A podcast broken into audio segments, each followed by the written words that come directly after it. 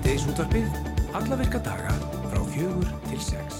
Og það er Andri Freyr Viðarsson og Rafnildur Haldarsdóttir sem ætla að vera með ykkur í dag. Í dag var tilkynntum nýtt fangelsi verið byggt við hliðin á Littlarhaunni og fái auk þess nýtt nafn. Og bladamannafundi í morgun þá kom fram hjá fangelsismára stjóra að löngu tímabært værið að loka ömulegri aðstöðu á Littlarhaunni.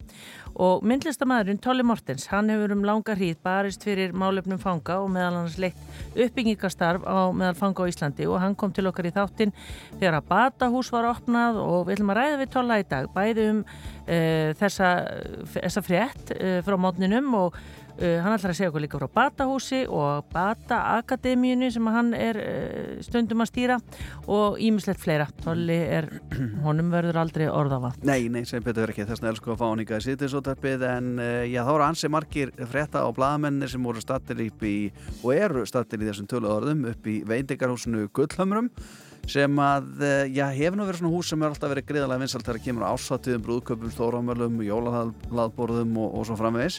En í dag, eins og fólk sem fylgst hefur með fréttum, ég hefur tekið eftir þá eru Gullhamrar í fyrsta sinn notaði sem dómshús það var gripið til þess ráðs út af bankastræti klöpmálinu svo kallaða þar sem að sakborningar eru 25 talsins og Anna Lilja Þóristóttir fréttakona, hún er búin að vera þarna í dag og hún ætlar að kíkja til okkur eftir og lýsa aðeins aðstæðum og, og, og hvernig þetta gengur allt fyrir sig. En það er sko fjölmjöla bann sem aður sko, það má ekki tjás um neitt sem að ekkur segir í, í skýslutökunum Nei. en við ætlum bara að forvittnast um allt hitt sko. Einmitt þá. Sigurður Sigurðardóttir er sangkvölduð ofur kona en fyrir nokkru dögum þá kláraði hún sitt fjórða Iron Man í eh, Servia á Ítalju og þar þurftur hún að synda og takt hún eftir andri mm. 3,8 km í sjó. Já. þá þurftur hún að hjóla 180 km svona eins og maður gerir. Já, já. og síðan þurftur hún að hlaupa marathon 42,2 km Já, já, já, já. En Við ætlum að spyrja sér í sko hvað er ykkur fólk, hún er kölluð sigga í það að fara í þetta, hún er búin að gera þetta eins og þetta kom fram í fjórðasinn Ótrúlegt. Já, með þetta veginn sem var að hlaupa í Berlinamaratonin í gerð hljópi rúmlega 5 klukkutíma og þá fær maður að hugsa þegar maður flý út til Tenerife Já. það eru rúmlega 5 klukkutímar. Ímyndað er að það var hlaupandi alla leðina þegar við ef, yfirleitt reynum svona að komast ekki um tvær bíómyndir sko. Allavega eina Einmitt. og nota svo eitthvað tíma til að leggja okkur. Já. það var bara hlaupandi alla leðina á brettinu sko. Ég, þetta er rosalegt. Þetta er rosalegt en Hrist hefur verið rækilega upp í sjómasættinum Silvrinu sem að hefur já, hinga til verið svona daskalöður sem er hérna í gangi í sjónvarpunum helgar. En eh, frá með kvöldinni kvöld þá verður Silvrið ekki bara sjónvarsátur heldur líka útasátur og Silvrið verður nefnilega sendt út í beitni á Rúf og á Rás 2 og hefst þetta allt saman klukkan 22.15 eða 15 minnur yfir 10 eins og við segjum nú bara svona venjulega. Eh, Silvrið hefur einni fengið eh, já, nýja umsjónamenn til þessu sig og það er Sigurður Hagalín Björnsdóttir, Valgir Örn Ragnarsson og Bergstedt Sigursson og Bergstedt, hann kemur til okkar eftir og segir okkur nána frá uh, þessum, þessum nýja silfri okkar. Já, Sigurður Hagalín ætla að vera þarna áður jú, jú, en jú, ekki hinn í Nei, nei, nei, nei, hinn er nýjir. Já, svo ætla við að heyra um verkefni sem að rannsókn setur vestlunarinnar hefur sett í loftið. Það er sérst mælaborð, það sem að stjórnundu fyrirtækja geta fylst með uh, ströymum og stefnum í vestlun og þjónustu og uh, lausnin ber nafnið uh, Veitan og þetta er, sérst, það er að fylgjast og þróun ferðamanna hér á landi þar að segja hverju, hvað er að kaupa og hvað er hérna borða og allt þetta. Já, já. Magnús Sigurbjörnsson, hann er fórstuðum að rannsóknarsettus Veslunarinnar, hann ætlar að koma til okkur og segja okkur frá þessu. Já, en þrjár fyrstu skoplustungunar voru teknar í morgun í Móa hverfi, vestan borgarbrötar Nist á Akureyri og eitt þeirra sem að mundaði skopluna í morgun, það var Heimur Örn Árnarsson sem er formaður bæjarás og við erum svo greiðarlega eppin að vera með hann á línunni hjá okkur. Sæla blessaður. Já, já, hvernig gekk svo fyrsta, já, ein, eina fyrstu þreim skoplustungunum í morgun? Hún gekk mjög vel, ég held sé bara nálgast ég að vera búið þetta og svo mikið sem við mókuðum. Já, það er bara svo leis. Ja, Hvern, bara- hvernig, er, það- hvernig er það stundum þegar að klifta svona borða á svona, þegar að opna eitthvað á víja, þá er oft svona skærin stór, svona risastór, svona upp á að náðast góð myndaðum fyrir, fyrir bladamenn. E, var það saman upp á teinunum með skopluna? Nei, nei, það var nú bara litlir, litlir, hérna, litla skóflur sem, sem að við reyndum að vara þrjú á sama tíma og svona gekk smarlega fyrst en síðan gekk þetta bara vel. Já. Já, fyrir þá sem að, þekki ekki nú vel uh, til fyrir norðan, þetta er semst í Móa hverfi sem er vestan borga, brautar nýst í bænum. Nú skal þú lýsa því fyrir okkur nákvæmlega hvað þetta er. Já, það er náttúrulega sko, mjög einfalt bara þegar keirin í bæin þá er bík á vinstru hönd Já. Síðan er Norðurtorg og, og þið keirir fram hjá Norðurtorgi sem er nýja hérna bónus og rúmfattalæður nú ha aðeins lengra en, en það þannig að þetta er bara mjög fljótlega hérna í þegar utanbæði fólk keirir þetta er til hæri og beint áfram. Mm -hmm. og þetta er ekki flóki En er þetta þá sömu megin og bónus og það, vinstra megin sérst eða keirir inn í bæni, bæin? E, já, ég myndi að hægra megin. Hægra megin, já, hérna, hægra megin. Já, já, Norðurtorg hérna nýja, nýja vestlunarkjarnar, sérefni og fleiri Já. sem eru þar Einmitt. og það er nú ástæðan fyrir að þetta fór þar upp sko, Norðurtorg, út til þeir vissu að þessu hverfi sko. einmitt Já, já, já. og það stemt að byggja heilar 1100 íbúir á, á næstu árum Eh, hvað talaði, Já. hvað, hvað er við með næstu árum er þetta hvað næstu tveim árum eða er þetta næstu 15 árum Nei, nei, ég myndi segja svo næstu hérna 5-7 árum cirka. Það tekur nú allt svolítið langa tíma eins og allir vita að það getur allt ger, gerst í svona skiplarsmálum en, en við skulum vona svona árið 2030 fyrir að vera að koma mjög góð mynd á þetta og, og kringu 3000 íbúar sem að muni búa þarna í framtíðinni. Já, og hvaða íbúar? Er þetta fyrir ungt fólk eða? Það er bara allir skil. Þetta eru bæði fjölbyrjuslóðir og par og, og raðarslóðir og, og, og síðan einbyrjuslóðir líka. Þannig að þetta verður bara, ég held að verður bara mjög fjölbreytt. Mhm. F- Fyrstu þrjár stungunar komnar og uh, þá fara hinn að ventalega bara bætast við fljótlega kjölfarið eða hvað? Já, já, þetta er bara alltaf að fara á fullt og, og hérna, margir mjög spenntir og, og, og margir búin að tryggja sér lóð og, og bæði verktakar og engaðalar. Hann, hérna, það eru bara allir mjög spenntir fyrir þessu og, og, og þarna á þetta er að örgulega leikskólar og skóli og, og fleiri framtíðinni. Sko. Já, manni finnst þetta samt að því við erum að tala um sko Akureyri 1100 íbúðir, manni finnst þetta aldrei svona bara stórt. Já, Mm. það er alveg, alveg hárið rétt hjá þér en, en ég meina sko við þurfum að hugsa stórt, ég meina það er konið 300 nýjir íbúður núna á þessu ári og, og, það er bara 2050 september í dag þannig að hérna við erum orðin yfir 20.000 þannig að við erum að hugsa stórt og, og hérna síðan alltaf bara þarf að taka við að eldra húsnæði og það er held ég bara, þetta er bara þetta besta mál og við erum mjög bjassín á, á framhaldið. Spennandi og uh, það var vonandi að þið náðu að fylla þessar íbúðir. Er ekki búist við að komist uh, 2300 til 400 manns í þessar 1100 íbúðir Jú, jafnvel 3000 voru að gera ráð fyrir. Þannig að hérna, þetta er svona okkar langstæsta uppbygging eh, á, á næstu árum og, og síðan bökkum við glaftur í hagakverfi. Þannig að það er, það er nóg framöndan hjá okkur akkurir og við erum mjög bjartir eins og allir það vita hérna fyrir norðan í góðverðinu. Akkurat. Við segjum bara gangi ykkur vel með Móa hverfið, Heimur Örn Árnason, formaður Bæjarás. Já, þakka að kjalla fyrir það Já. og beð heilsa. Bless, bless. Bless, bless. Já, þetta gerir fyrir norð. Ah, Ah, gerast.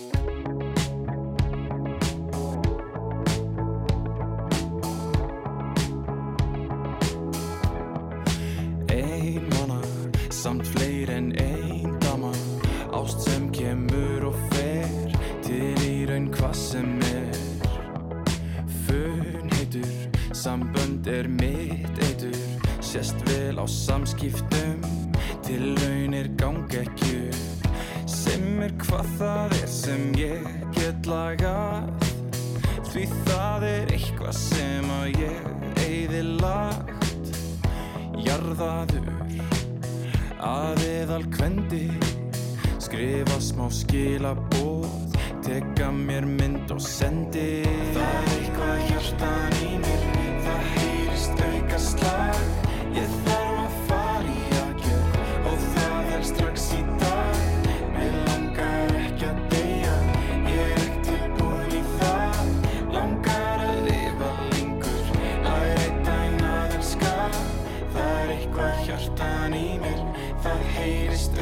slag Ég þarf að fara í aðgerð Og það er strax í dag.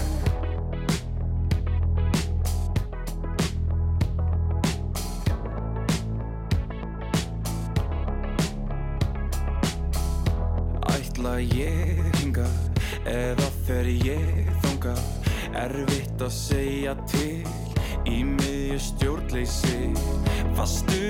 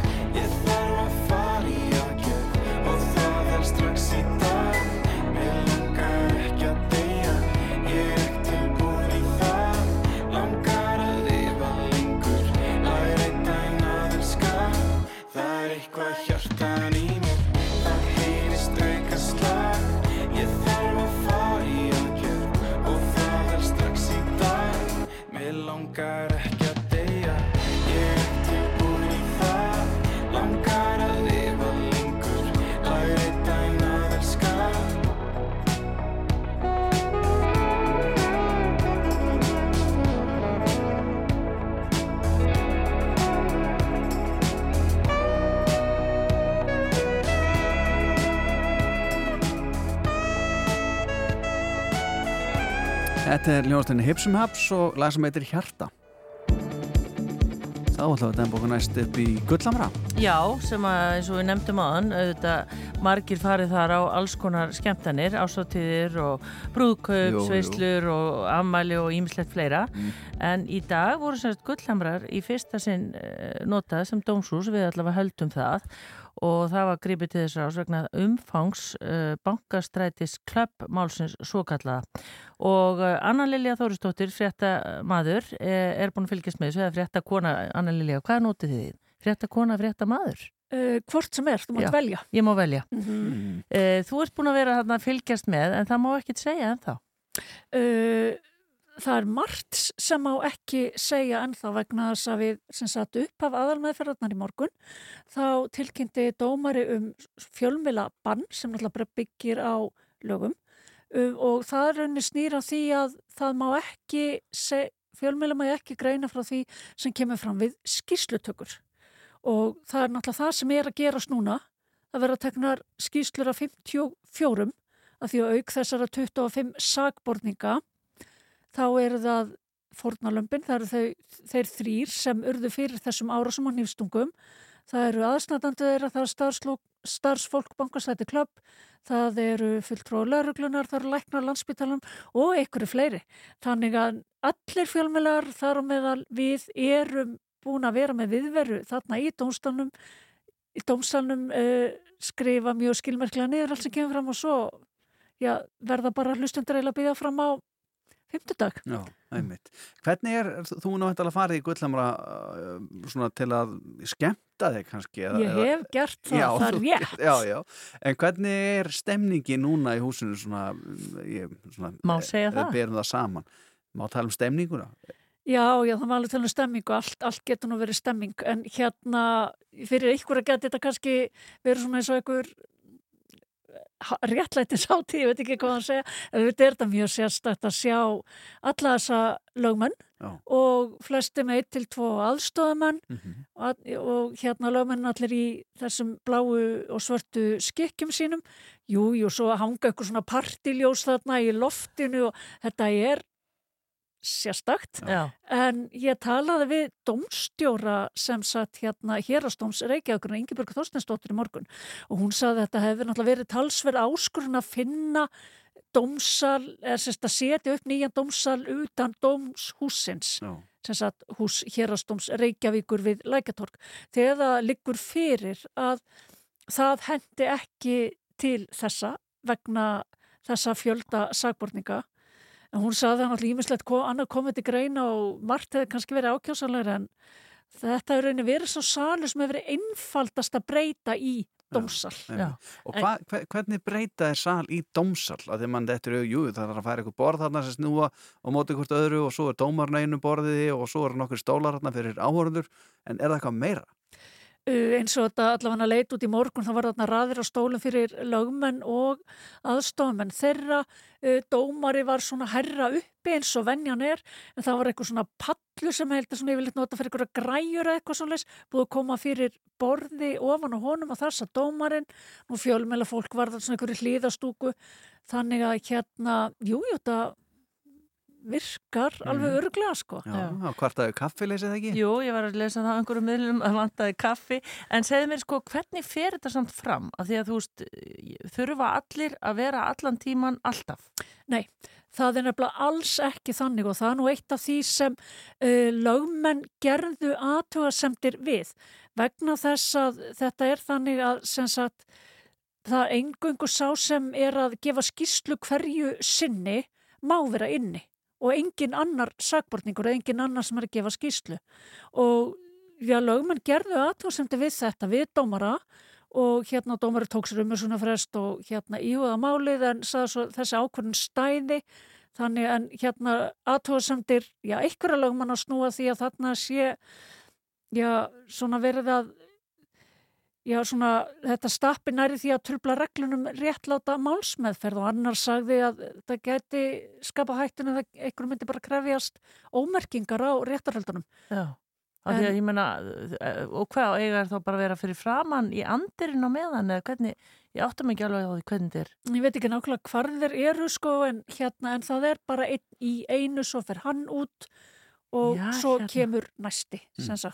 Sagt. maður vilti vera að fluga vekk hann Þannig að fánum alltaf að vita með einhvern fyrirvara hvernig rauðan kemur að þeim í dag sko, stóð til að átta myndi gefa skýslur og nú, eru, nú er sá áttundi þannig að, að gefa skýslu í þessum tölum orðum þannig að planið er svona virðist og nokkur með vera að halda Já. hjá þeim en Þetta er sögulegt í því ljósi að aldrei áður hefur verið svona mikill fjöldi af fólki Það var nú reynda lögmaður eins eh, sagbortningana, eh, verjandi eins sagbortningana sem saði mér að einu sinni áður svo hann vissi til hefðu verið fleiri sagbortningar í mannugi hvað hann saði málið hétti en það, það er svona 50 ár síðan eitthvað þannig að mm. þetta er kannski ekki fyrsta skipti en þetta er eitt af fáinskiptum. Já, allir sé nokkuð verið að vinna í öðrum dómsmálum núna þessa dagana. Er ekki allir þarna? það, er, það eru margir þarna. Eh, það eru margir þarna. Já, já. Áhugavert, Já. við fylgjum með næstu dag og þá er bara, eins og segir, kannski á fymtu daginn sem við fáum að vita eitthvað úr þessum skýslutökum. Já, það ætti að, ætti að vera þannig. Það ætti að gerast. Takk hjá þetta, Anna Lilja Þórstóttir. Takk fyrir mig.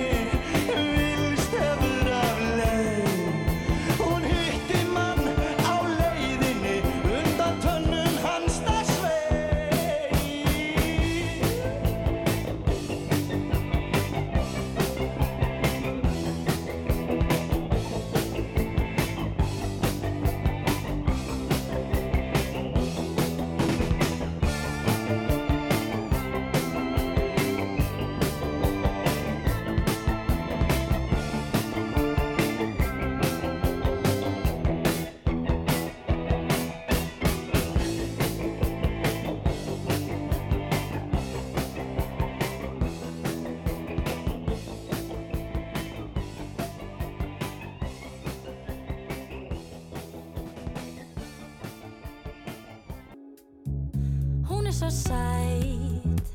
Með svona heilbreyða húð sem þarf aldrei að meika. Hún er pottitt heimsk Eða með frekar slappan persónuleika. Og hún er svo klár Alltaf langt hæst og svo vakant og einbeitt. Það er eitthvað að Því félagslífið er þá alltaf neitt neitt. Þarf ég að rífa eina niður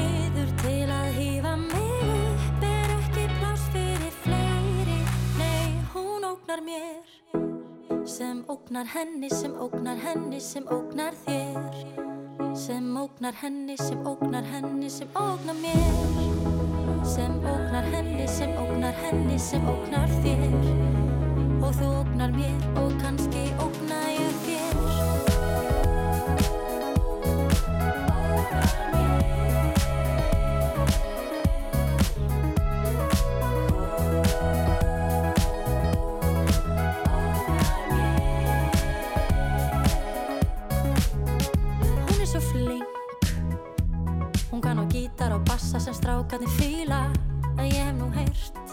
það sé svolítið erfitt við hana að díla.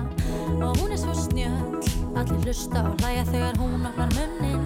En eftir tvö ár verður fræðarsól hennar eflaust úr brunnin Þar ég að rífa eina niður til að hýfa mig upp Er ekki pláss fyrir fleiri. Og til að hrífa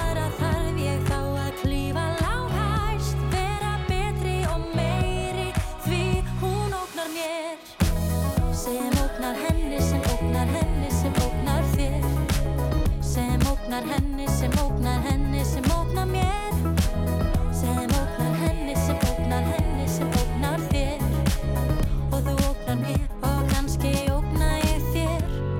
En er það að segja um aðra stelpu Að hún sé sæt og klár og frábær Eins og að auðsa vatni og brunni Með takmörkuðu vatni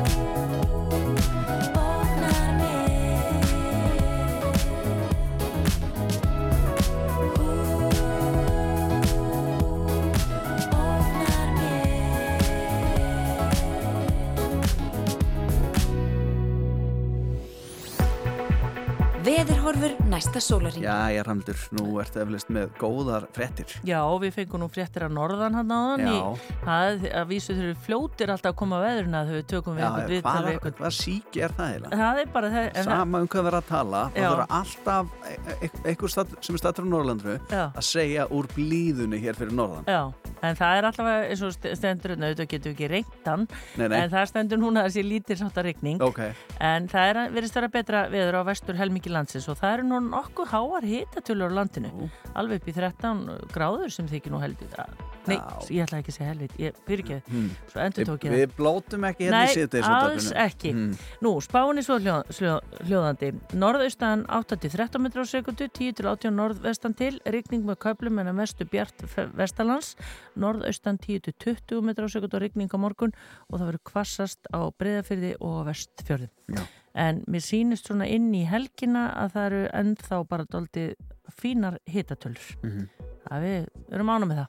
Já, Mm. ekki þetta kvartið þessu. Nei, Það er nú annað en að Grímur Jónsson, hann gæti nú heldur betur hvart á þessum degi ára 1654 já, sem hann var brendur á báli já, fyrir galdra á uss, ströndum og fyndum fyrir þá við Þórður Guðbrandsson og Egil Bjarnarsson einni verið brendir fyrir sömu sakir. já, Hugsaði það að vera að henda fólki hérna á bál. já, þetta er, Bara Hegri vinstri, sko. Það voru bara þrýr á einni vikunni, sko. Íslandsbanki, hann var settur á stopn á þessum degi árið 1903. Vissu þetta var svona gammal banki? nei, Það var Kemur á 120, 120 ára gammal í dag. svo hitt hann glitnir í mittiltíðinni. Já, já, já, já. En núna aftur Ég Íslands. minna þegar fólk... Það verið kaka í dag, Já, kannski? já, fólk, minna, fólk breytir um Ég nöfnskilur og fer svo það. aftur við það gamla. Já, það já. er alls konar, allir gangur að þessu. Og svo er það okkar eigin Vala Flósadóttir sem har hlaut uh, bronsveðlun í stangastökki á Ólupílagunum í Sydney á þessum degi árið 2000, maður stið.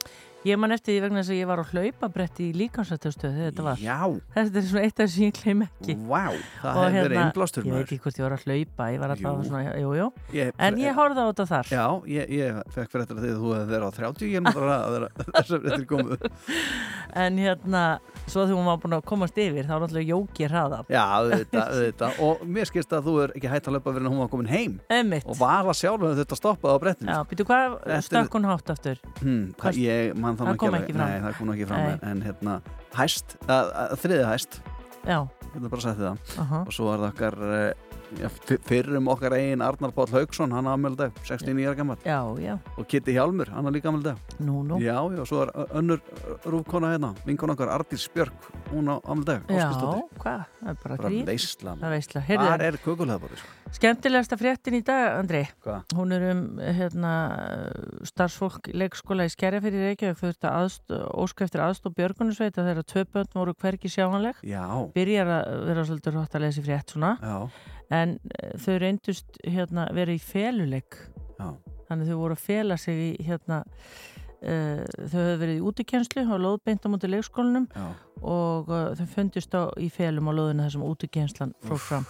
Ætlaði að vinna hérna feluleikin. En maður getur ímyndað sér að hafi hérna Öss, brostið út þarna ákveð ástand. Öss, ég hef lendið sér buð, þetta er ekki gott. Aha, Týna barni í félög. já, vá, hvað var barnið svo? Svo var hann bara í andirinu heima. Já, já, Ég hef búin að leita um allt hverju, sko. Öskrand og æpandi. Hann þið sé stelpu hérna, ljósar að koma. Já. Hann var svona, ljó- ég þryggja ára, ég finnst ég. Nei, nei, hann var bara heima, beð. Hvað segir Já, já. Já, Þetta er rosa sag, ég ætla að segja hann náða hérna meðan hlustendur hlusta hérna og vinni just og Save it all my love for you. Og svo er það afreks kona hérna sem þetta maður ræði á eftir. Játkona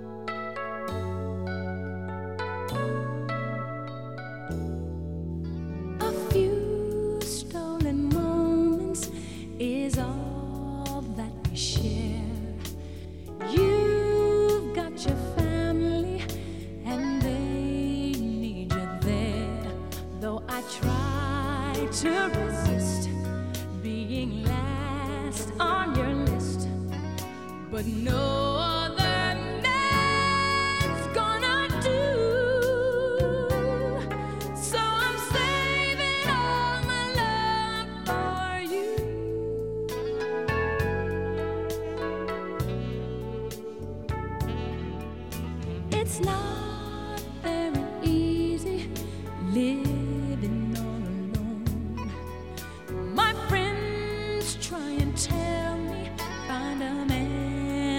of my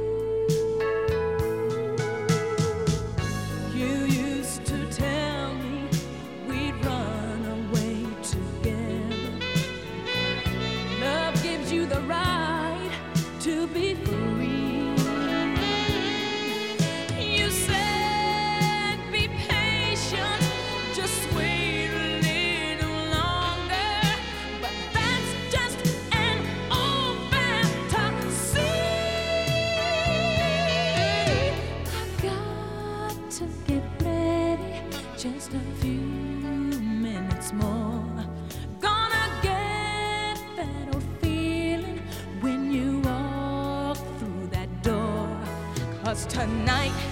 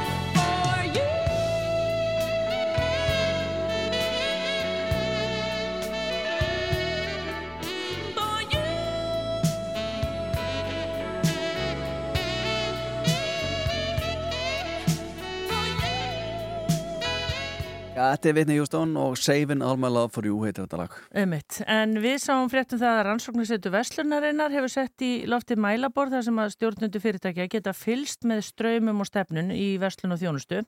Og lausnin ber nafnið Veltan og þetta er þetta fylgjast með kortaveldu Íslendinga og setja það neyra flokka í Vestlun og þjónustu og svo er þetta fylgjast með þróun ferðamanna hér á landi í hvað er eiða og hvaða þjóðir eiða mest og ímislegt fleira og hingaði komin Magnús Sigurbjörnsson sem er fórstöðumæður rannsóknarsetus Vestlunarinnar. Velkomin. Takk fyrir. E, þetta hefur samt áður verið til, er það ekki? Það hefur stundum borist fréttir að þeir eru að eða mest e, hérna, fólk á bandaríkjunum eða eitthvað slíkt. Akkurat. Jú, þetta hefur verið til hjá okkur, þetta mælaborð og Og en, en svona núna í, um helgina þá ákveðum við svona að setja í loftið velduna og breyta nafninu og aðeins að breyta svona ásindinni á því og, og, og svona aðeins rífa það úr skelinni og gera það sínilegra uh, um, því að í rauninni við erum með þarna ó, ótal mikið að gognum bara um, um í rauninni ströma og, og stefnur í vestlun og þjónustu sem að bara er mjög bara hérna gott fyrir stjórnundur í, í, í þessum gerum að geta fylgst með hvernig, svona, hvernig við erum með penningunum þannig að það er, það er já, þannig að það er hérna En, hver, en hvernig ný, nýtist þetta til dæmis bara verslunareigundum? Þeir sjá að það eru lang flesti sem kaupa í þessari búð en ekki kannski þinni búð, eitthvað slíkt. Hvernig? Já, við erum með þetta í svolítnum yfirflokkum sko, þannig að við, við getum ekki séð þetta niður á búð mm. eða eitthvað þannig. Þannig Nei. að við erum í rauninni kannski með bara matvara, ma, já, matvörubúðir og, og, og hérna og eitthvað, eitthvað svoleiðis, þannig að hérna, levja, heilsu og snirtu vörubúðir, eitthvað svona, þannig að við erum með svona, svona stóra yfirflokka og, og það er þá að sjá aðeins bara svona hvernig, hvernig trendið er og, og, og hvar svona, hvort fólk er að eða meira í hérna, júlimánuði eða ágústmánuði þarna og bera það aðeins saman við, við síðasta ár og mm. þess að það. Ég held að það geti verið komið sér bara einstaklega vel, en við ættum snirtur og veslum með, með hérna, vörum án uh, efna, eiturefna. Já það er svo móðin sko, við varum ekta þannig með þannig búð, þá myndum við náttúrulega vilja sjá hver er að eigða mest í snirti vöru verslanir eh, svo ef við heyrum eitthvað með amerikan reym eða eitthvað með finskan reym og þeir eru kannski eigða mikið, þá viljum við náttúrulega vera kurtisar við þetta fólk, er það ekki til þessi leikunum gerur þetta? Já, bara Algjörlega, þannig að ég meina, kannski að þú kannski stiga inn á einhvern nýja marka og vilt að sjá hvernig, hvernig hann er að þróast. Já, já. Ég meina, ef hann er á niðurlið þá kannski, já. þú veist, fer, ferði kannski ekki alveg ánga full force, en að þú sér það er, hérna, að það er hérna, einhver, einhver vöxtur á honum að, að þá kannski er það eitthvað. Já, svo kemur eitthvað með danskar heim og þeir eða ekki neinu, já, bara töluðu ekki við það. En hver er eða minnst? Af erlendu ferðarmannum ég er bara mikið búin að fá þá spurningu Já. síðustu misseri og ég held að við förum bara að taka það eins saman og, og kíkja á það en við erum ekki með það eins og er en, en bandarækjumadurinn er, er lang, langefstur á blæði Já, það er alltaf sagt að þjóðverðar eigði minnst. Langar, ég, ég mun heyri þér þegar þú er búin að taka þetta saman. Já, ég, ég, ég ætla reyndar að taka upp hanskan fyrir þjóðverðunum hann er að eigða svolítið með við undarfærið okay. Já, þannig, hann, er, hann er ekki allavega ekki neðstur Nei, hætti nú að að, þess að kortleggja hvað við erum að eida í útlandum? Nei, við erum ekki með það. Nei, þeir eru ekki með það. Við viljum ekkert sjá það, það. heldur það, Þeir fylgist með því? En, en ég held að Selbanki takir það aðeins saman. En, en við erum helst með hvernig við eðum penningunum okkar hérna heima mm. og hvernig við eðum honum í neðurslun mm -hmm. um, hvernig, Já, neðurslun, það er nánast útlönd. Já, já. ja, og, og hvernig við líka hvernig við hérna, erum svona að hegða okkur í að Uh, að kaupa erlendis frá. Við erum að fá gögg frá tollunum til þess að meta, me, meta þessu svona, svona yfirflokkan sem við erum með og, og ég bara hveti fólk til þess að kannski kíkja bara inn á veldan.is að sjá hvað hva meira er að þinni Erum við ekki eh, fannin að minga það að panta frá svona vestlunum sem við þurfum að, að borga toll og allt það? Nei, við erum alveg að, að geða steddi sko, það er svona okay þú veist, við kaupum langmest af til og með stúst fötum og skóm held ég á netinu sko mm -hmm. uh, en, en við sjáum samt kannski bara svona sem dæmi sko, við sjáum að, að sámarkaðar er ekkert mikið að stækka við erum ekkert eitthvað mikið að, að gefa í þar þannig að ja. það er náttúrulega svona það er að, ég held að verðbólgan sé aðeins að svona, sína sig í ákveðnum flokkum svona bæði hérna heima og, og mitt í, í neðvöslun erlendis að, að það er aðeins að hans að kælast, kæla á svona á nokkrum, nokkrum flokkum Já. En ef að fólk hérna sagt, vil fylgjast með þessu, er alveg nóg bara að fara inn á vefsíðuna, eru þið alltaf bara með þetta upp, uppfært þar eða hvernig? Já, við erum með þetta í svona áskriftaformi þannig að bara hvert fólk er að kíkja það og, og sjá hvort það geti hérna, já, bara hvort að hérna geti skráð sig og, og svo erum við líka bara að bjóða upp á svona smá kynningafund á netinu sem er bara, sem er bara smá spjall á, á netinu til þess að svona sína fólk geta betur Já, og, Og- maður þá bara fara inn á lausnin.is eða hvernig, eða rannsóknars Já, fara bara á veltan.is Já, velta segi, mhm. já. Uh, eitt í lokin, við höfum stundu talað við ykkur frá uh, rannsóknarsetri Vestlunarinnar varðandi jólagjöfuna í ár. Eru þið nokkuð verið að pæla í því?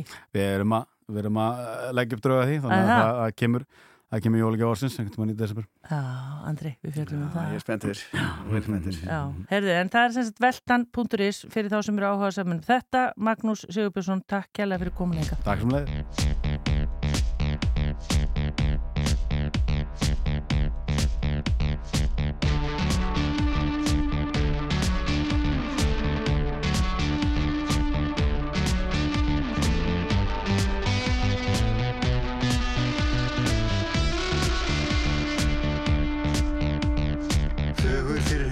blúsandi siglingu Hullan höfðum í greinjandi rigningu. Stími heim í heiðadalinn Góður strákur að velu dalinn.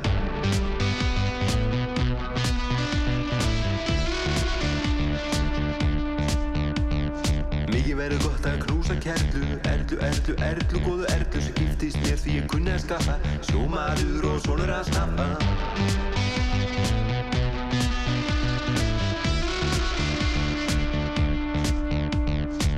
Laka svo til að hitta börnin Maríu, Hænu, Hafþór og Örnin Vinna upp tíma, klippa smá og líma Í eldingaleik fram að átta tíma.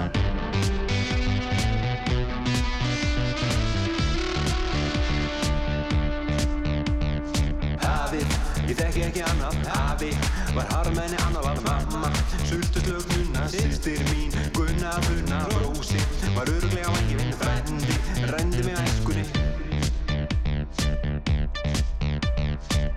Hafi, ég þekki ekki annað Hafi, var harmenni annað var mamma. Sultuslög nunna, sýstir mín Gunna, Funna, Rósi. Var öruglega ekki vinn frendi Rendi mig æskunni.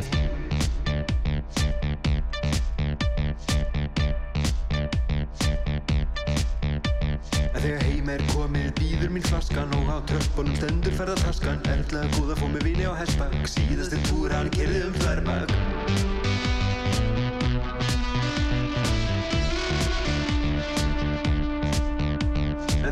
botniðin áður bara að standa upp aftur. Þetta veit hver hilbit er aftur. Vaknandi mönnum er best að lifa. Híni geta bara ég þið hundar og stefa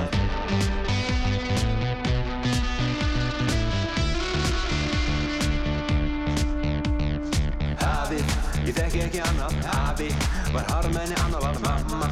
Sultuslög nunna, sýstir mín Gunna, Funna, Rósi. Var öruglega ekki vinn frendi Rendi mig á æskunni þekki ekki annað. Hafi, var harmenni annað var mamma. Sultuslög nunna, sýstir mín Gunna, Funna, Rósi Var öruglega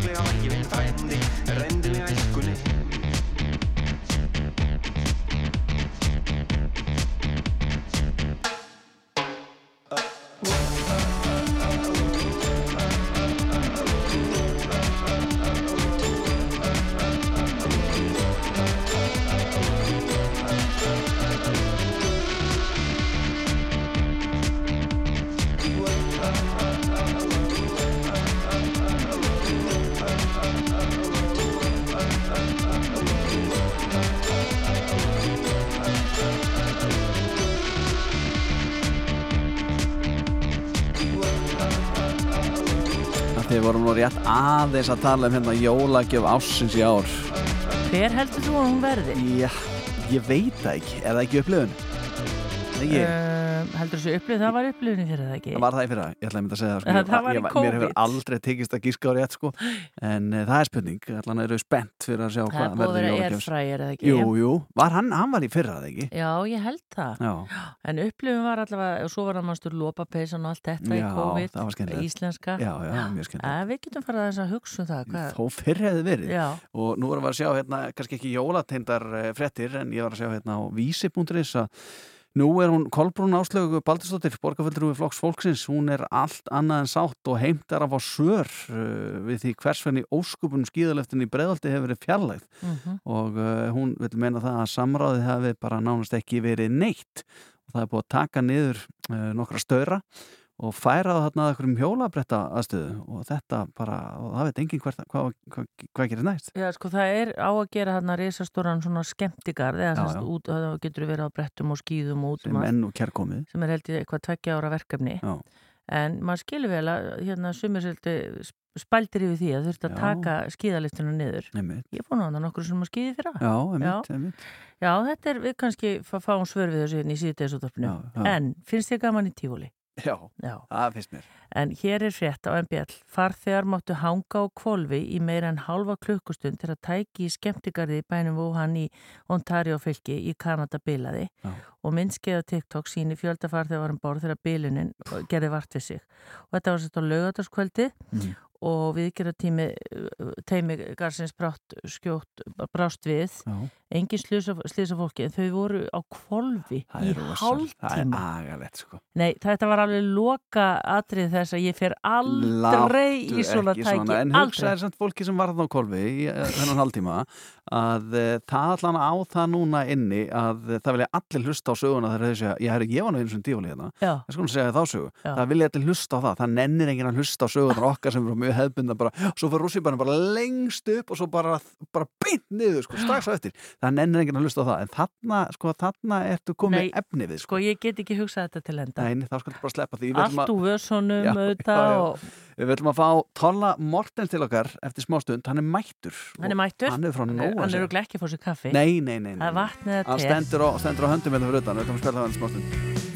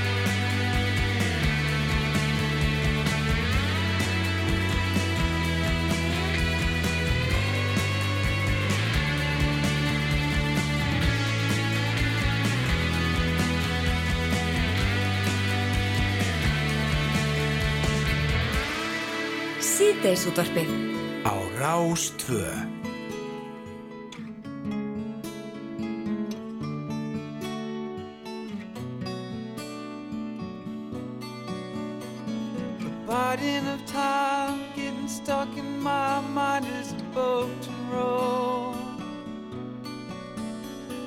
Two hours later, back in my neighborhood where everything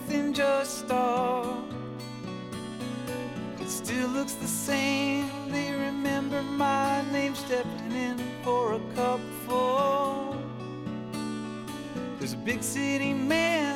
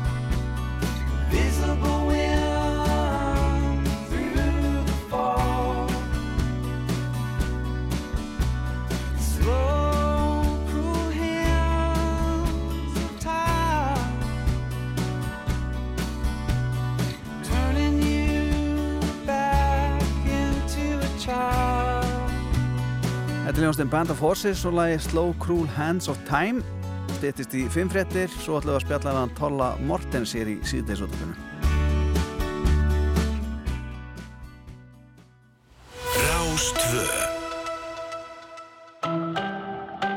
Kíkt í kaffi hjá vinum okkar á Joe and the Juice á Birkimel meðan þú hraðleðu bílinn hjá okkur. Orka. Ert að hlusta á Síðdeisútvarpið Á Rás 2 Í dag var tilkynnt að að nú á að byggja nýtt eh, fangelsi í stað Littlarhauns og það á líka að finna nýtt nafn og blagamærufundi kom fram hjá fangelsismárastjóra að það var í laungu tímabært að loka ömurlegri aðstöðu á Littlarhaunni.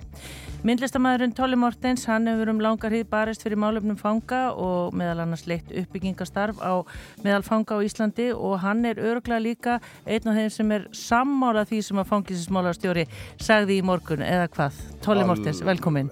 100% Já, það, þetta hérna ömurlega úr... Já, við þurfum ekki að, það er alveg hægt að ná í fullt af sterku lýsingarorðum og allt það um litla raun, en þetta er auðvitað bara uh, staður sem var aldrei hugsaður, hann var bara, það leiti eitt af öðru í, í hérna uppbyggingu þessa staðar og það sem alltaf var haft að við með svona valdmið nálgun og refsi tengd gangast þeim skjólstæðingu sem fóru þarna inn og smá saman var til þessi sorglegi staður, litlarhund því að, því að þarna er svona uppsafnað karma af harmi og, og, og mistökum því að þessi nálgun okkar á skjólstæðinga fangilsis mál á Íslandi er uh, vörðu í raun og veru mistökum. Og þá er ég ekki að tala um það að, að það, þessi mistök hafi verið hugsuð heldur ef við skoðum til dæmis MeToo-bylgjuna að þar sem að MeToo sýnir fram á ofbeldi og attitút gagvart konum Uh, hversu rámt það er og allt, allt í hennu förum við að kalla hegðun ofbeldi sem áður þótti bara ok þú veist, kallar og konur og svo framvegis. Og niðurstaðan er svo að þó að MeToo flettu ofan að þessu núna þá þýðir ekki það að fortíðin hafi verið í lægi og það er eins með þessi fangilsmál þó að við sjáum það núna að, að hversu, hversu fangilsi á litlarhunni er ömulugu stað þá þýðir ekki það að þetta hafa alltaf verið í lægi Nei. þetta var aldrei í lægi Hvernig hérna bara því við flest höfum aldrei komið að það Nei, og bara hérna er bara einhvern veginn allt eh, hálfu ömulegt hérna.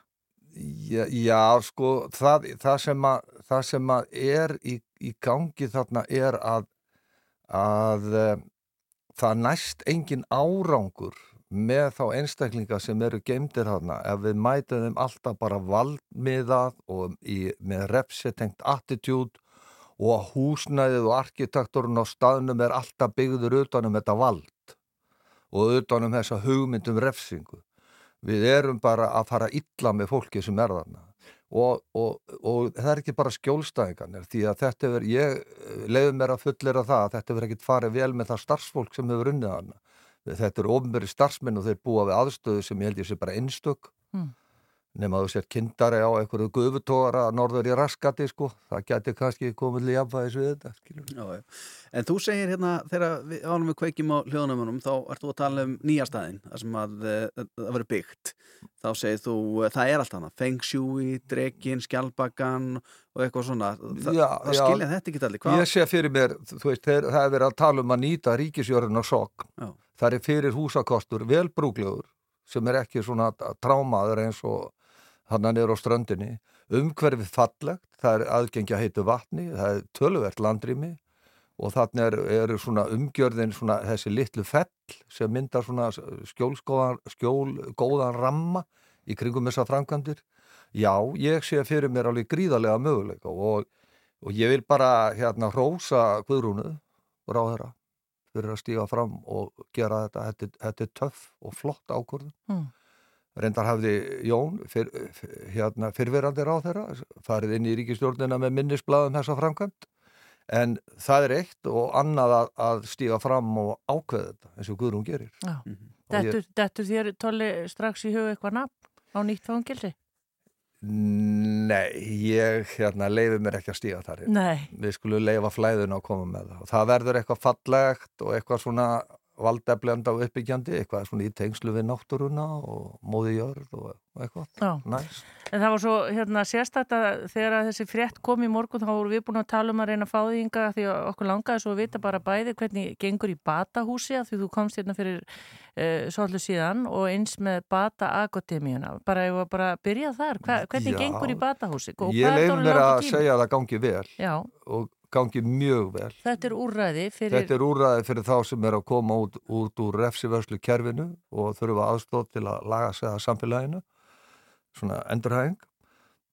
Og uh, það hefur, við vorum að klára tveggjára samning við, við félagsmálaráðunitið, sem, þar sem þetta var skilgrinn sem tilraunaverkefni, en í dag er þetta orðið fast í sessi. Og auðvitað út af því að okkur er að takast mjög vel í þessu starfi og það sem er svona þungamiðan í þessu starfi er raun og veru virkni þeirra sem búa í batahúsinu í því að, að hérna að halda á lífi sínu og bera ábyrð á því og steyðja hvern annan og fara síðan út á akurinn og hjálpa öðrum. Þar komum við að þessu fyrirbriði Bata Akademia. Mm.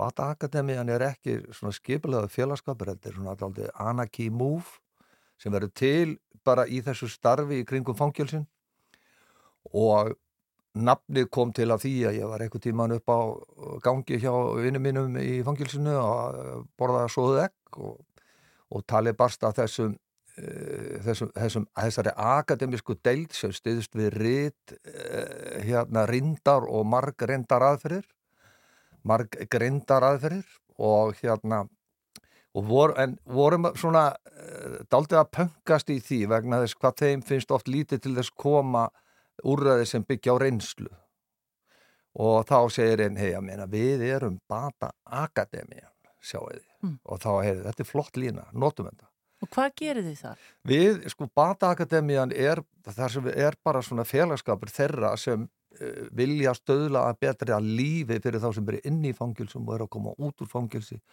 Kjarnin í þessu eru fyrverandi skjólstæðingar stofnarinnar og svo ekki. Þannig er fólk úr, úr atvinnulífinu, fjármálalífinu. Þannig er alls konar fólk sem er að uh, steyðja okkur í þessu verkefni. En svona kjarnin er, er þetta fólk sem að, þú veist, mest þessi strákar sem hafa verið í fangilsinu og, og tengjast batahúsinu við erum með alls konar virkni við förum til dæmis mikið í ferðalög. Við göngum á fjall göngum yfir dali og strendur og það býr til svo mikla samkjönd samheldni og eins og þeir þekkja sem þú reynir á þau út í náttúrunni það losar um svo mikið og býr til svo mikið nýtt. Þetta eru við að gera, við höldum utanum svitahofið okkar sem er mjög mikilvægt í þessu starfi og við þeir taka sagt, ábyrð á því strákanir að, að vera með starfin inn á Holmsegi og nú inn á Littlarhaunu, við erum byrjaðar að miklu krafti þar. Ég sá bara einhverja mynd hjá þér sem voru bara jókadínundnar og allt. Já, við, við gáfum Littlarhaun á sínu tíma uh, bara props og allt sem þurfti til að setja upp hugleðslu aðstöðu í kjallarónum á þessum sorglega stað, reyna að búa til eitthvað fallegt og, og hérna og það gekk vel og það eru þetta uh, má alveg koma fram að þetta starf okkar er unnið í góðu samstarfi við fangilsismála yfirvöld. Og það er ekki upp á þá að sakast að sitja uppi með þessa skítahólu Nei. sem fangilsið er. Þeir reyna sitt besta við þröngan kost. En, en þetta starf sem við erum að vinna og sinna inn í fangilsunum er að sína okkur fram á það að að með því að nálgast skjólstæðingastofnarinnar á þennan hátt að, að mæta þeim með þessar spurningu hvað kom fyrir frekar en hvað gerðuru og síðan að reyna að nálgast við að hjálpa þeim í að skilja hvaðan þeir eru að koma og af hverju þetta fórt svona lífið, hvað allir þú fórst að inn og að nota jóka, öndunatækni, hugleðslu og svo samkjönd og samveru og svo svona menningar hluti eins og tónlist og fleira þetta eru alveg gríðarlega þýðingamikli hlutir í að nálgast fanga á mannúlegan hátt með það í huga að þeir finna út úr því hverju þeir eru. Já. En sko nú eru margir að hlusta sem að veltaði fyrir sér, sko við náttúrulega búum í mjög litlu samfélagi. E, fangasamfélagi er ennminna. E, sko með Bata Akademíuna, þannig eru fyrrum fangar sem eflust þekkjast úr öðruvísi aðstöðum og jafnvel hafa bara lent saman eftir bara fyrir utan veggi, múra, já, veggi fangisins. En hvernig hefur þetta gengið alveg vandrarlegst fyrir þig? Hefur þú aldrei út að stíga inn í og bara, hei, gæs, niður með gömlu stríðsaksunar? Nei. Nei. Það er ekki þannig. Þegar maður, eins og þetta hljómar svona, svona eins og helgislepja þegar maður segir, ef þú hefur, hefur sko kærleikan og virðinguna inn í áttavitanum, þá villistu ekki. Og ef við nálgumst þetta bara á þessum forsöndum, það sé ekki hagsmunni, peningar eða völdin í þessu, þá verður engin núningur og þegar að menn eru komnir á þennan stað að fara að taka ábyrð á eigin lífi og, og, hérna, og stíga vegna þess í að fara að hjálpa öðrum að þá er bara komið þetta jafnvægi að, að það verður ekki núningur eða áreikstar mm.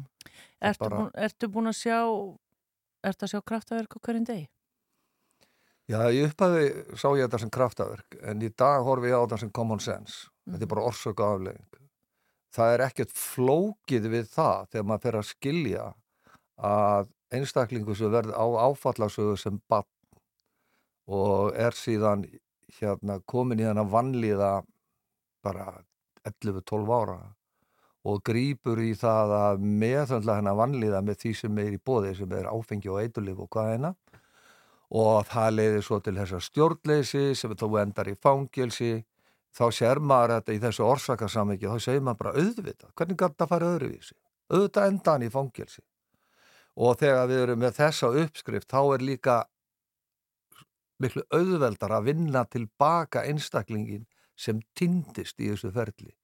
Og þegar þú gefur þessum einstaklingi þennan skilning, hann fer að sjá sig í þessu samengi þá fer skömmin þá kemur meiri sátt með hver hann er og af hverju og getan til að taka ábyrð á þessu. Getan til að taka ábyrð á því af hverju viðkomandi fór í fangelsi. Mm. það getur engin annar tekið ábyrð á því Maður heyrði oft í bara, já ég veit ekki hvort maður að segja gamla dag að menn voru bara keirðir einhvern veginn í rútu niður í bæ og svo voru þau komnir eftir 2-3 daga aftur í fangelsi. já, Er það... það- er ekkert langt síðan Nei. og það er enn að gerast Mhm. menn fá nánast strætómiðan í hendurnar og gangiði vel Já. þannig að, þannig að þetta úrræði sem við erum með sem er ekki stórt í sniðum en samt Er það solid nógu stórt? Nei, það við, ég myndi vilja sjá hérna eitt hús í viðbútt Já. og já, ég það er að sína okkur fram á það hvað þe þetta er hægt. Og svo kemur reiknistæmið um hérna miljardana sem sparast og það er búið að reikna það út. Það var gert í þeirri vinnu sem vorum að vinni fyrir síðustu ríkistjórn í þessari skýslu um þessi mál. Þá var farið alveg sauman á því hvað það að byggja upp nýtt fangilsi og nálgast hérna skjólstæðinga stopnarinnar og þennan hátt er að spara til lengri tíma miljard fyrir utan það sem aldrei verður reiknað sem er þjáningin harmurinn. Tóli, var þetta einna betri dögunum í dag? þetta var magnað, ég segi þetta er toppadagurinn þú veist, þú ert, þú ert kannski að undirbúa fjallgönguna. Ég er búin að vera farin á litlarunni í 20 ár, skilur dagt í því. Og, svo, og ég er búin að segja við sjálfa með einhvern veginn, já bara kyrja þessa möndru að lokum leggja til að litlarunni verði lagt í eyði. Og og einhvern veginn haft á tilfinningunum bara maður finnur að samfélags umræðan orðræðan í samfélaginu er öll að fara í þessa átt.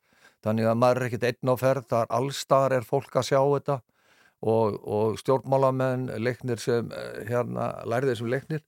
Þannig að í dag þegar þessi frétt kom þá er þetta eins og standa á tindinum stoppa þær í tíu mínútur og taka eina selfu og síðan er að fara niður aftur og það er að sjá nýtt fangilsi rísa Tóli Mortens, látum þetta voru lokaðar en takk hjálpa fyrir komuna og uh, haldið þér áfram að ganga vel.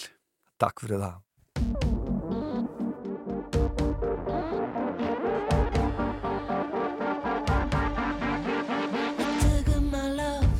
Á á niðurtalningu sem er 10, 9, 8, 7, 6,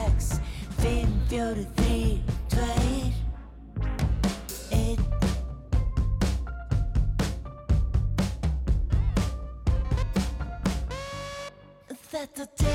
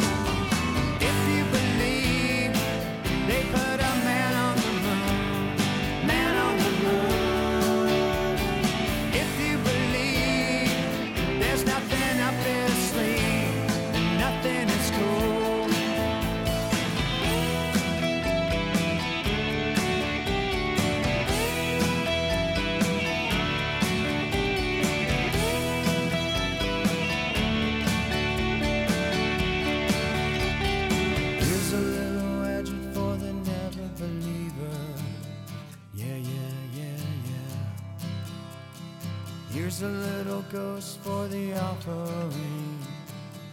Yeah, yeah, yeah, yeah. Here's a truck stop instead of St. Peter's. Yeah, yeah, yeah, yeah. Mr. Andy Kaufman's gone wrestling. Yeah, yeah, yeah, yeah. Now, Andy, did you hear about this one?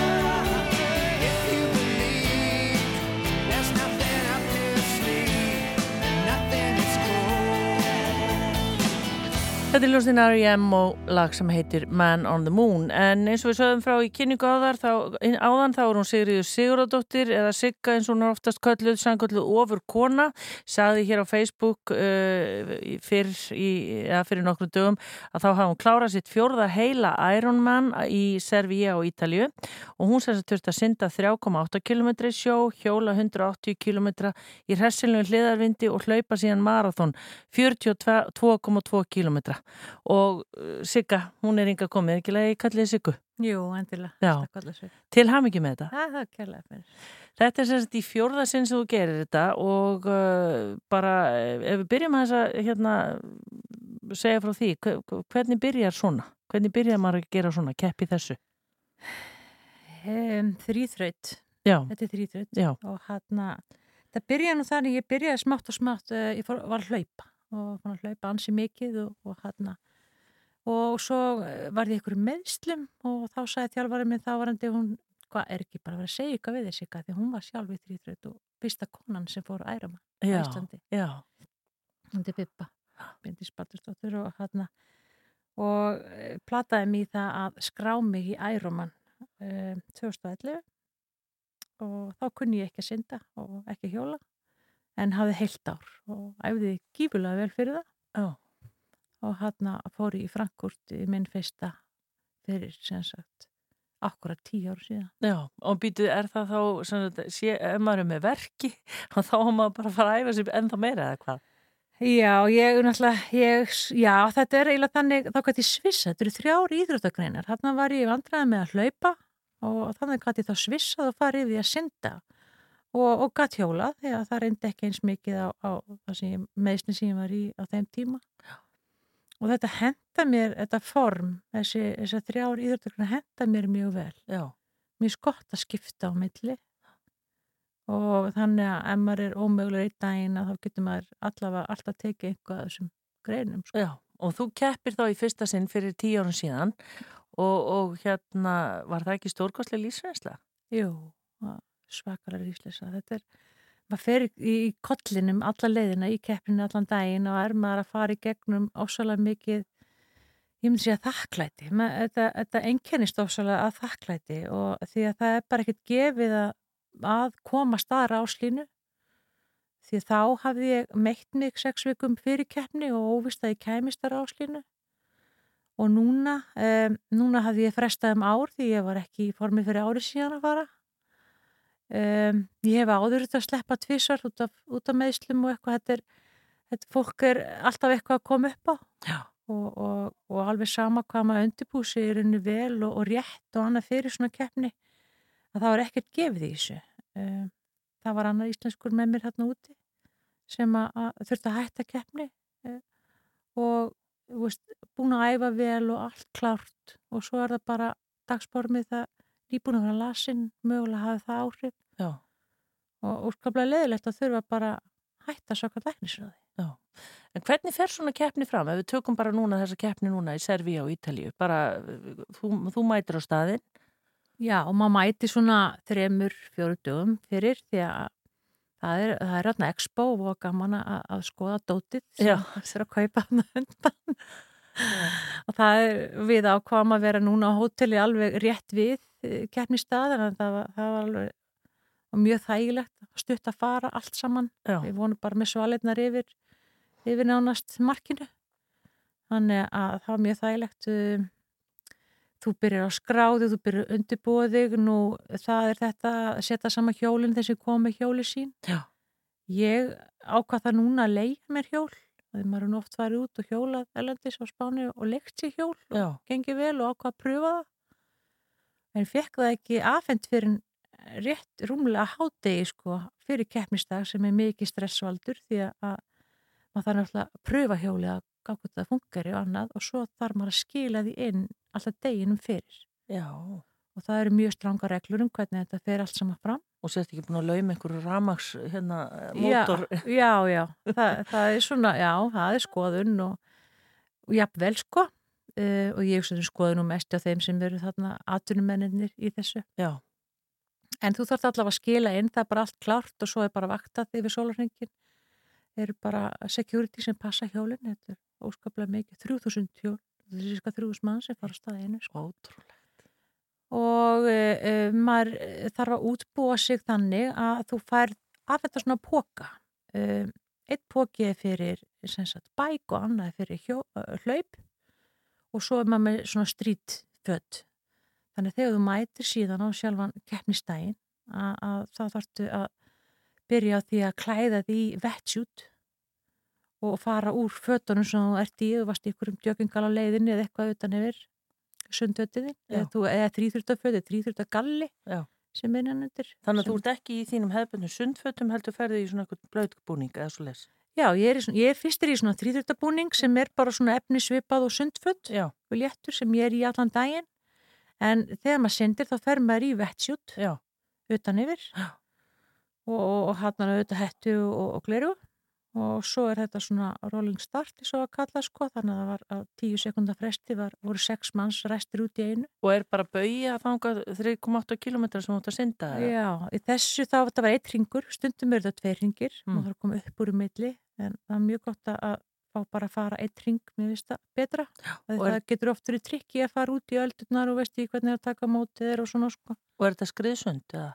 Já, það er já, það, einn og einn sámaður að smelti sér á bringu en það er náttúrulega þannig að þú ert í svona sjó eða open motor, þá er ekki lína í botninum Nei. þú sér ekki hvort þú ert að fara beint Nei. og það, um, ég eh, ræsi það aftalega, ég er oft með þeim sem eru svona lélegir í þessu sko og oft er þetta sterkir og mikil kall menn sem synda hraðar og svo synda þeir það vess og kruss yfir mann Já, já, já, já, já. þannig að það er doldið, getur doldið verið trikki en það er bara triksi er náttúrulega bara að vera rólegur og, og halda sinni stefnu og kíkja nógu oft upp Já. og sjá, þetta eru stóra bauðir til tölu sem þú átt að geta séð að þú kíkir upp úr sjónum sko. Og skriðsundi nota bara það er það er léttast það er veldast, þú eður mikil meiri orku í bringusund sko. Já, já. Hvað, hvað er maður bara þarna til dæmis, bara svona meðal lengi að synda þetta, 3,8 í svona sjó? Uh, þeir bestu eru klukkutíma náttúrumennir en, en mjög margir eru svona 1, 10, 20 Já. uh, og ég er hérna 1, 40 Já, já, já. þannig að þetta er svona, já, já Já, já, svo kemur þú upp úr og þá þarftu að stíga á hjólið. Já, þá voru að hlaupa eftir, eftir svona uh, skipti svæði sko sem þarna var mjög langt að maður svona átti að ekki á því fyrir keppna væri svona langt, allt í 2 kílómetra sem þetta endaði fram og tilbaka Já. En þú ert að hlaupa upp á sjónum og þá reynir að fara satt og getur. Og því samt svona að drekka og svo þú verður smá snurtur á leiðinni og hlaupir í pokaðin sem er mertur bæk og þar setur, ferðu úr vettjútinu, setur í pokan og í pokanum er hjálmur og hérna hjólaskotnir sem þú smettir á því og númer að belti og svo þarftu að hlaupa hjólinu. Já. og maður er náttúrulega búin að miða það út út frá svona umhverfinu hvar það er sem maður sé fljótur að finna þetta er hrikala mikið að hjólum. Já. og, e, og svo er bara er ákveðin línum að það hlaupi gegnum ákveðin mark eða svo listar ákveðin lína sem mátt stíga á hjólið. Um, þessi braut, hjólabraut og þannig að þú hjólaðir 20 km út fyrir bæin og upp á svona hraðbraut sem, og þetta er allt lokað. Það fyrir engin bílar, engin umferð og ekki neitt. Nei, og mikið upp í móti. Að var hann að brekka. Uh, fjall sem að uh, ég endaði nú á að, að ganga smá, það var það bratt. Að þá tók það miklu orku í að reyna að stíga hjólið upp að ég ákvaða að lappa smá spotta. Og maður fór tvo ringi en ég fór að tvísvar wow. og gaman að segja frá því ég, ég, ég lappaði með sama manninum. Eitthvað skoti Já. sem var við akkurat til hliðina mér á sama punkti í bæði skiptinu ótrúlegt þess að Þegar bara verið í sama forminu bara. Já, þetta ég sá hann svo ekkert endilega brautinni sko. En manni finnst þetta svo ótrúlega langt, 180 kilometrar. Ég meina... Ég var búin eftir 30. ég skildi ekkert í hvernig ég ætlaði að fara 150. En hvað hugsaðu þá? Um, maður fer alltaf innan við. Um, ég var að sýri í jóka Já. og hérna um tíma því að er, maður er í svona liggur niður í, og þetta er svolítið svona krefjandi staða á hjólinu. Sem að liggur niður og reyna að kljúa vindin því að hann var var mann erfiður og var alltaf erfiður og erfiður því að jók bara vindin og ég fór í svo að kalla það svona útsja öndun ég bara, þetta er bara ákveðin öndun sem að ég, og ég með því næ ég að slaka á þar sem ég var að fara að líða illa í baki og mjöðum og eitthvað. Og einhvern veginn, já, þetta er svona já. og keiri bara áfram. Þetta er einhvern veginn þannig Já, já, 180 km á hjólinu, þú ert komin í markið og þá hvað? Aftur að hlaupa pókanum? Ég sko, ég líka skal segja það því ég kom að markinu, þá hugsaði ég mig bara, oh my god, Ég er Ég hætt. er örmagna. Mér langar í lesta liðalegu inn í rúm. Ég er ekki hissa. Það hann ég held ég hef aldrei verið svona þreytt og, og tilöksunum að maður verður bara að ná í pókansinn, skipta yfir, fara í hlaupaskóna og taka af sér hjálminn og skila skónum og, og svo bara snúa við beltinu á stað. Og þá tekur við sko fjórir tíu, rúmlega tíu kilometrar ringir sem skapar svakalega stemmingu. Já, þannig að það er ekki hlaupið stór ringur heldur Nei. fjórir. Já. inn í bænum, hann að þú stöðut með fólki og, og það er framhjá stóru svæðum þar sem eru veist, veitingastaðir og fólk að skemmta sér og, og það er ægileg húlum hæ og hurra og hróp og, og ég hef nú sérstaklega gaman að því því ég tók eftir að svona konur mínum aldrei tóku eftir mér og þegar það sáu betur svona framann í mér þá ripnuðu þar allar upp og hvettum hann svo áfram það var ægilega gaman sko Já, en hvar, ég menna á hvaða ring hugsaður ég er hætt? Aldrei. Aldrei? Nei, ég held ég hafi ekki það, það. Nei. Ég var alveg heil, sko. Ég, um, ég er náttúrulega með gott garmin úr sem að les púlsinn og ég var bara að fylgjast með púlsinu því ég, ég sá það ná fljóðlega að fólk var svona hrinja niður hér og þar. Var ekki alveg að, að, að ná að klára, sko. Og þetta var eitthvað staða sem ég ætlaði ekki að í. Ég, ég, ég, ætlaði markið og þannig ég fylgdist bara með púlsinum og hægði á mér þegar ég fann, mér fannst ég var eitthvað að svima. Ég var í erfileikum með næringaindöku, ég var, var flökurt búin að vera alla vikuna og var flökurt alla tíman sko, hann ég átti erfitt með gelindöku og hann hafði ætlað mér, tók bara tvö með mér sem ég átti og ætlaði svo bara nota sem að mér væri rétt. Já. En þeir voru með eitthvað svona kúlum í eða eitthvað sem að ég, ég kom ekki niður sko, hann að Coca-Cola er alltaf doldið gott sko. Já, já. Og hann svona orkudrykkir á leðinu sem maður reyndi að nýta sér. Og bara allt sem bananar og það sem var í bóði sko. Í staðinn sko. Já, já. En já, já. Og í markið komstu? Já. Sigga? Og hrikalega gaman. Já. Og ég var óbáslega mantin yfir sjálf mér. Ég þurfti að grafa doldið djúft. Í svona, já, þetta er náttúrulega ákveð reynslibanki sem maður á og hann að maður hefur gert þetta áður og veit hvað maður er doldið að fara út í þannig að eina sem þetta gengur út á er, er að passa að fara ekki yfir línuna þannig að maður hangi nú ykkur ekki í næsta skúmaskoti og vera að stimra yfir manni Mhm. þannig ég kom bara glöð og káti í mark og bara og búin að jafna mig strax Já. Ertu, að þú segir sko tíu ár og þetta var þinn allra erfiðastir hingur, sagður í þessar fæslu á Facebook Sigga, hvað, þú veist, ertu eitthvað núna búin að ákveða hvort þú allar aftur eða, þú veist, er þetta þannig að maður er bara rétt búin og þá er maður bara komin að staða aftur ha? þetta, er, þetta er ótrúlegt sko pappi segir alltaf, já, ekki núna búið er ekki núna búið þetta er bara með svona fólk eins og, eins og mig við, við erum nokkur, þetta er svona ákveðin típa Já. og meðan á þessu stendur þá hugsa maður sko ég sagði, hugsa, sagði að vísu aldrei við mig, ég ætla aldrei aftur að gera þetta. En ég sagði við sjálfa mig að næst erði ég betur undirbúin fyrir hjóli, ég hef alltaf verið mikið betur undirbúin á hjólinu sko, Já. þannig að þetta er þess vegna var þessi erfiðast Ó, þarna hljómaði í þessu sko að þú verður að fara aftur af því þú ætlar að vera betri í hjólinu. En ég á náttúrulega miklu betri tíma og allt það sko, það, ég, ég er náttúrulega gömul, ég hef ekkert að sanna sko, þar er ég alveg búin að losa mig undan öllu svoleiðis. Já, fyrir þá sem er að hlusta, má segja góð komul Já, ég verð 60 núna næsta ári. Já, þetta er ótrúlegt. 60. Já, þannig að það, ég skal viðkynna það er doldið svona freistandi að taka það líka en þarna en ég ætla ekki að skrá mig alveg strax ég ætla aðeins að svona skoða málið. Já, frábært, takk fyrir að deila þessu með, með okkur hér, hlustendum Rásartöð, Sigriður Sigurðardóttir og bara til hamingi með þetta, okay. ótrúlega flott hjá þér og bara gefa okkur aðeins insýn inn í þetta að keppa í svona, svona ótrúlega bara, já, ég kalli þetta bara afreg. Já, Takk fyrir komuna Takk á Rástöð. Wanted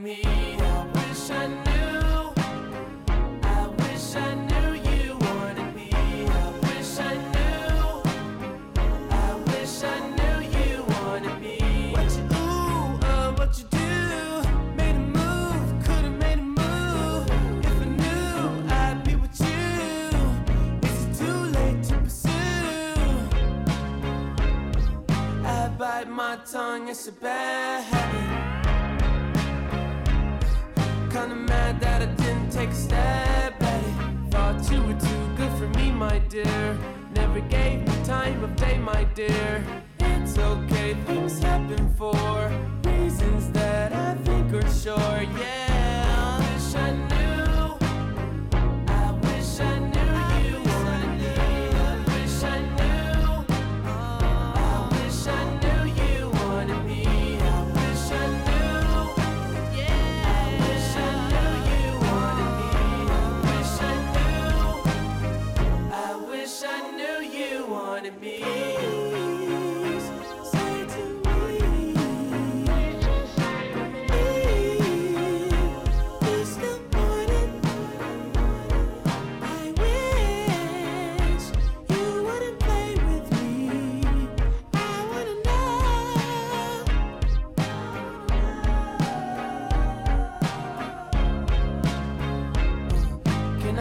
your time.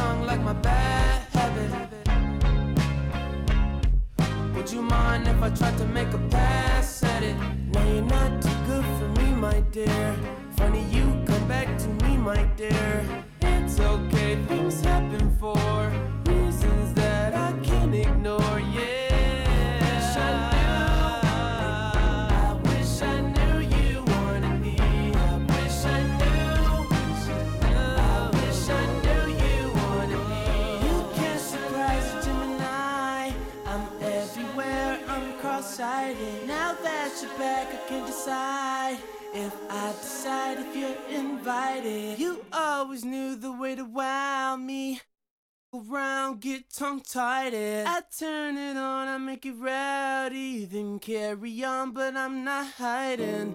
You grabbing me hard, cause you know what you found is biscuits, is gravy bag.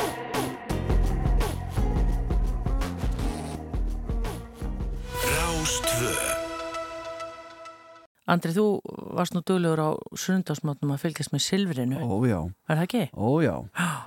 Það voru svona þína stundi. Já, já, fasturliðir í vikunni. Að, hérna, Ríða svo fekk mér alltaf svona þrefaldan espresso Já. fyrir silfrið. En það er breyting á. Það er breyting á því að nú er silfrið, það er búið að færa það semst yfir á mánudagskvöld og það er einmitt mánudagur í dag. Já. Svo það er á dagskráni í kvöld, fyrsti þáttur. Nefnum að það sér ekki þrefaldan espresso fyrir silfrið Nei. þegar það er rétt fyrir sefni. Nei, sko. nei. Bergsteinn Sigursson er einn umsjónamanna og hinga komin. Velkomin. Takk fyrir. Hva, hver er nú ástæðan fyrir því og það er hvað að breyta um stað og stund? Um, það var bara mat þeirra sem hér á það. Það væri komin tíminn til þess að breyta til. Það væri myndi kannski uh, örvarstæðins áhorfið á öðrum tíma og ég veikinu hins vegar við fyrir svolítið blindi sjóum með þetta hvernig þetta mun lukkast mánudagskvöld. Það er hefð fyrir þessu annars ára Norðurlöndum og þessu þar þannig að, að þetta er alveg týðkast þar að þessi svona spjalltættir á síðkvöldum. Mm. Þannig að við erum að fara eftir þeirri forskrift og sjáum svo hvernig af reyðir í vettur. Mhm. Þú ert einn af þeim sem verður með silfrið. Jú, Hver eru með þér? Við erum þrjú, Valger Örn Ragnarsson og Sigriður Hagalín Björnsdóttir sem er búin að vera sem hefur stýrt tættinu með agli undarfærinar. Já. Þú nú verið svona hlaupi skarðistundum í, í silfrinu. Ég teki nei, einu sinni. Einu Já, sinni, já, já, ég bara hef- eftir, mjög eftirmiljan þáttur. Já, já. Gleymir Ég- þessu aldrei. Já, en ég hef hins vegar verið í vikulokkunum svolítið, á rásitt. Já, en er hérna svona sniðið á þættinum, er það bara með að svipað? Hann verður aðeins snarpari, hann er eh, svona innan við klukkutími, hann var alveg 70 mínútur eða svo, hann er að við stýttum hann eitthvað. eitthvað. Uh, en öðru leiti, þá er þetta svona nokkuð svipað uh, snið. Við byrjum á svona það sem var kallað alltaf vettvangur dagsins og er, verður kallað svo áfram. Um, og svo skiptum við yfir, yfir í annarkvort viðtali eða, eða tveir í viðtali eða eitthvað slíkt sko. Þannig að það, verður, það verður engin stóra vendingar að þýlliti sko. Nei. Við reynum algjörlega að halda svona eigin náttúrulega byggðu upp alveg um, þetta var format alveg sem virkaði og af ástæðu og við ætlum að halda svolítið bara í anda þáttarins og, og svona þótt að hann sé hættur að þá svona lifir arfleið eigil svona áfram. Já, og svolítið mikið atriði að vera einmitt með þáttin í beinni útsendingu. Já, það er alveg svona, þú, það, er- það er eitthvað sem þið þekki bara sjálf, það gerist eitthvað, það er eitthvað, það er eitthvað háski í loftinu þegar þú ert í beinni, það getur allt gerst og svo leiðis og, og þá bara, ég meina, ég er búin að vera bókan um helgina og fólk er bara meira en, meira en til í að á þessum tíma og, og setti þetta enginn sem einhverja fyrir stöðu og svona. Við erum líka búin að hressa þessu upp á, hressa upp á stefi, það er barði í bangang sem samtið þá þessum tíma. Já. Við höfum sambandið hann og spyrum hvort það vilja tvíka aðeins til, hann er að gera einhver róttaka breytingar en, en það heyri smá munur. Já, það er smá remix Já. Geggjað, og hverju koma í kvöld? Uh, í kvöld ætlum við að fá Drífu Snædal sem er fyrirvændi fórstið ASI og vinnum með á stígamótum ætlum að fá Eigló Harðardóttur sem er fyrirvændi félagsmálaráðara hún er núna að uh, vinna á ríkislörgustjóra og Ástísi Kristjánsdóttur uh, bæjarstjóra í Kópavogi. Þau verið fyrir, í fyrir hluta þáttar. Maður svona pæla bara í vetrinu framundan það er svona stórar áskoranir hjá ríkistjórnin í húsnæðismálum, samgöngumálum orkuskiptum og þess áttar og uh, stóri póstar en á sama tíma hefur gengið svona erfiðlega að, að já, við erum með ríkistjórn sem verðist ekki algjörlega samstíða því það hvernig á að, á, á að halda áfram í þeim málum, þannig að við ætlum aðeins að, að ræða þá, ég ætla að fá þærlega þess að hjálpa mig við að setja það í samhengi og svo í setni hluta þáttar þá verðum við með viðtal við Katrínu Jakobsdóttur forsætisráðura. Mhm. Og þátturinn er í kvöld Já. í beinni útsendingu strax á loknum tíu fréttum Já, klukkan 22.15 og líka á rástfæð. Já, það er að hlusta. Það er leggja þessi útarp og sjónvarp Gengi gangi ykkur vel og bara til hamingi með þetta. Takk. Takk fyrir komuna.